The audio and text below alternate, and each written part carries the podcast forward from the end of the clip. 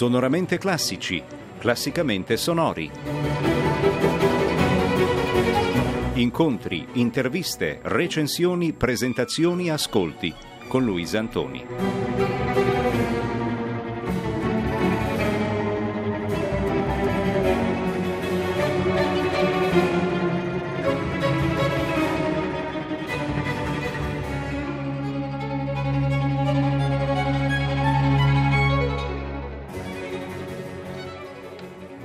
Cari ascoltatori ed ascoltatrici, bentornati. Nella trasmissione di oggi sarà nostro ospite il fisarmonicista e fagottista triestino Francesco Furlanic. Furlanic, che da parte paterna ha origini capodistriane, ha studiato alla Glasbenamatica di Trieste e al Conservatorio Giuliano fisarmonica e fagotto. Finiti gli studi ha vinto diverse audizioni presso prestigiose orchestre italiane ed estere e alla fine è diventato fagottista di una delle più importanti orchestre italiane, quella del Maggio Musicale Fiorentino. Da sempre Furlanic integra la sua attività in orchestra con partecipazione a concerti che lo vedono in veste di fisarmonicista. Recentemente ha aggiunto un ulteriore tassello al suo mondo musicale. Ha pubblicato per la Ema Vinci un album d'autore che reca il titolo Viaggio.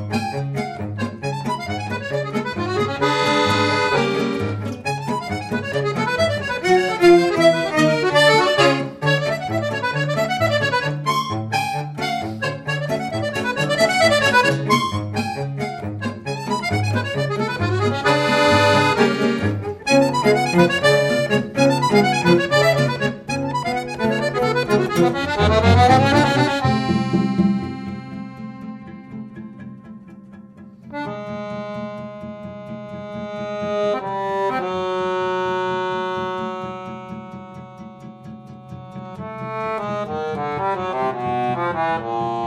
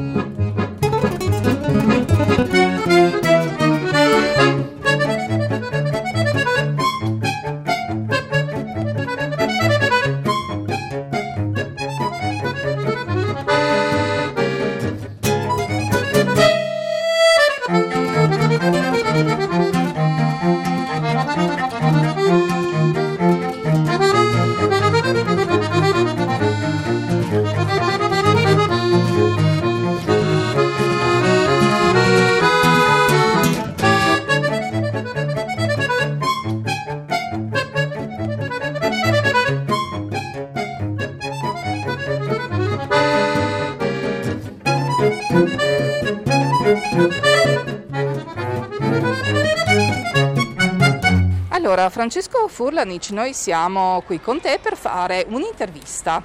Un'intervista perché tu hai appena pubblicato un eh, CD, il tuo primo CD d'autore. Allora, iniziamo a monte. Tu sei triestino, però vivi e lavori a Firenze come fagottista del Maggio Musicale Fiorentino, una delle migliori orchestre italiane e internazionali. Ci spieghi un po' come mai la vita ti ha portato fino a Firenze? Chiaramente mi sono diplomato al Conservatorio di Trieste in fagotto e quindi il futuro in qualche maniera era programmato. Dovevo vincere un concorso in qualche orchestra italiana o straniera. Avevo fatto diverse audizioni e concorsi fino a che mh, mm, mi, è, mi, è, andata bene. Vinsi questo concorso nel 97 come terzo fagotto con l'obbligo del controfagotto eh, e del secondo, praticamente tutto. E quindi sono più di vent'anni che lavoro mm, nell'Orchestra del Maggio. Ho avuto anche qualche possibilità di cambiare orchestra, però tenendo presente la qualità del direttore d'orchestra, le qualità dell'orchestra stessa, ho preferito rimanere a Firenze. Ecco, però tu non sei solo un fagottista, ma in realtà il tuo primo strumento è la fisarmonica. Assolutamente sì. Ho iniziato la fisarmonica all'età di 5 anni, penso che la, l'ho iniziata prima di andare a scuola, alle elementari, quindi è, è veramente una vita che la suono. Eh, dunque ci racconti un po' le tue origini. Tu, i tuoi, i tuoi genitori abitano a Gretta, che è una parte di Trieste, e loro arrivano da dove? Allora, mia mamma è, diciamo, è carsolina, arriva da Sales, mentre mio papà arriva da Capodistria con l'ondata dei profughi dopo la seconda guerra mondiale e si sono conosciuti nelle sagre paesane sul Carso. Quindi figlio di Carsolini. sì, Carsolini istriani, istriani, diciamo, ecco, un mix. Allora, la fisarmonica ti ha accompagnato in tutti questi anni. Nel periodo in cui tu avevi iniziato a suonarla non c'era la possibilità di fare il diploma in conservatorio, mentre adesso c'è. E questo, questo, significa che all'epoca tu avevi dovuto diciamo, scegliere un altro strumento che come abbiamo sentito è stato il fagotto però la fisarmonica è rimasta come un amore, infatti tu eh, ti produci spesso come fisarmonicista, soprattutto con alcuni gruppi che hai. Sì, verissimo. Anzi, io penso che in teatro mi vedono più come fisarmonicista che come fagottista. Mi hanno identificato in quella maniera là. In effetti mh, mm, cerco di fare mm, il più possibile con la fisarmonica eh, cercando varie opportunità lavorative ma anche creative. Quindi in questi anni ho avuto veramente tantissimi gruppi con i quali ho suonato diversi generi musicali. Ecco, uno di, la, di, questi è la Klezmarata Fiorentina con cui siete venuti a fare anche un concerto a TV Capodistria e la Klezmarata è ormai diciamo un uh, punto di riferimento per questo tipo di musiche nella zona dove tu lavori, ma non solo, perché so che siete andati anche a fare diverse tournée. Verissimo, ormai sono 15 anni che suono con questo gruppo, ho la fortuna di suonare con le prime parti della mia stessa orchestra e con il violinista che è il leader del gruppo che ha origini ebraiche, quindi cerchiamo anche di portare mm, il, senso musicale ehm, della, sua, mm, della, sua, comunità. E quindi sono 15 anni che, lav- che lavoro insieme a loro e ora sarà una cosa molto interessante, fra una decina di giorni dovremo fare una specie di film su, su Facebook, dovremo registrare 5, 5, giorni di riprese televisive con un attore americano, canadese, bravissimo, di cui parleremo um, di, in maniera cinematografica di tutto ciò che, che prima dello zingaro dei tetti fosse stato scritto, cosa rappresentava la musica klezmer. Ecco, oltre a questo, tu appunto sei autore di un CD, di un CD tuo, di un CD di musiche tue, che stai presentando proprio in questi mesi. Ci spieghi questo CD come è nato? è nato in diverse forme. Alcuni brani sono nati dopo, mm, dal momento che mio papà è morto, quindi provato da un'emozione molto forte, ecco, ho composto mm, alcuni brani. Dopodiché, mm, pensando a un viaggio generico, ma un viaggio soprattutto un viaggio del mio papà fra le stelle, ho immaginato questo disco intitolato Viaggio, ma che rappresentasse un viaggio ehm, nell'intimità di tutti noi, ma un viaggio anche a ripercorrere viaggi vissuti o viaggi immaginati. E quindi ho adoperato in, questi, in diverse forme musicali, giusto per renderlo un po' più, non più accattivante, ma eh, rappresentare meglio il percorso musicale. Ecco, eh, è un viaggio che hai fatto tu con la tua fisarmonica, ma non solo. Chi sono stati e chi sono i tuoi compagni di viaggio in questo caso? Sono due bravissimi musicisti, matti, perché per, per seguire me bisogna essere un po' matti. E quindi è il violinista Gabriele Savarese, ma suona anche mm, la chitarra mentre il violoncello eh, si chiama Pietro Horvad e nel gruppo suona anche il contrabbasso, mentre io suono solamente la fisarmonica. E su questo CD ci avete lavorato quanto tempo? Ci abbiamo lavorato tanto, anche perché si è messo di mezzo anche il Covid, quindi è stato anche molto difficile incontrarci per um, decidere bene le parti e registrare. Quindi un po' di tempo ce ne abbiamo messo, sì. Ed è uscito per che casa editrice? Lema Vinci di, di Empoli. E questo CD si trova dove? È un CD fisico oppure è semplicemente un CD virtuale? Tutte e due, si può trovare su tutte le piattaforme digitali e lo si può trovare anche presso la casa discografica Ema Vinci oppure anche a casa mia. Chi lo vuole lo posso inviare.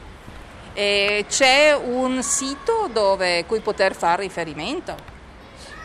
Lo stiamo facendo, penso che um, sarà pronto, quindi noi avremo la pagina che si chiama quartocolore.com, mentre per il disco um, fisico ci sarà sempre l'Emma Vinci Records.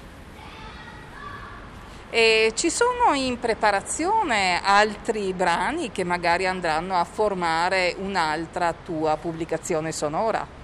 Sì, sono già pronti almeno 5 brani e voglio dare un, un'immagine, un, un'immagine sonora completamente differente dal mio primo album. Vuole essere un po' più... Col primo album secondo me piano piano mi sto avvicinando a quello, il mio desiderio sarebbe poter far comunicare la musica classica con la musica leggera, diciamo. E quindi vorrei trovare un modo di scrivere in maniera tale che questi due mondi, mondi si possono parlare benissimo.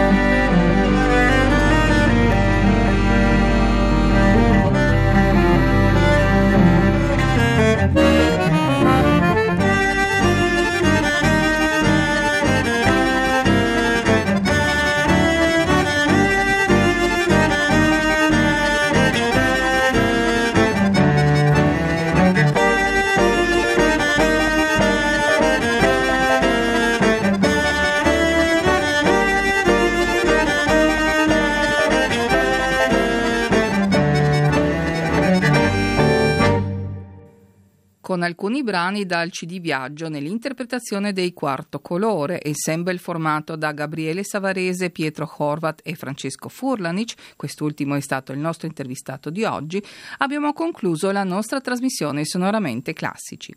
Chi volesse mettersi in contatto con me mi trova all'indirizzo mail luisa.antoni-rtvslo.si, potete però anche scrivere a Radio Capodistria via OF F15.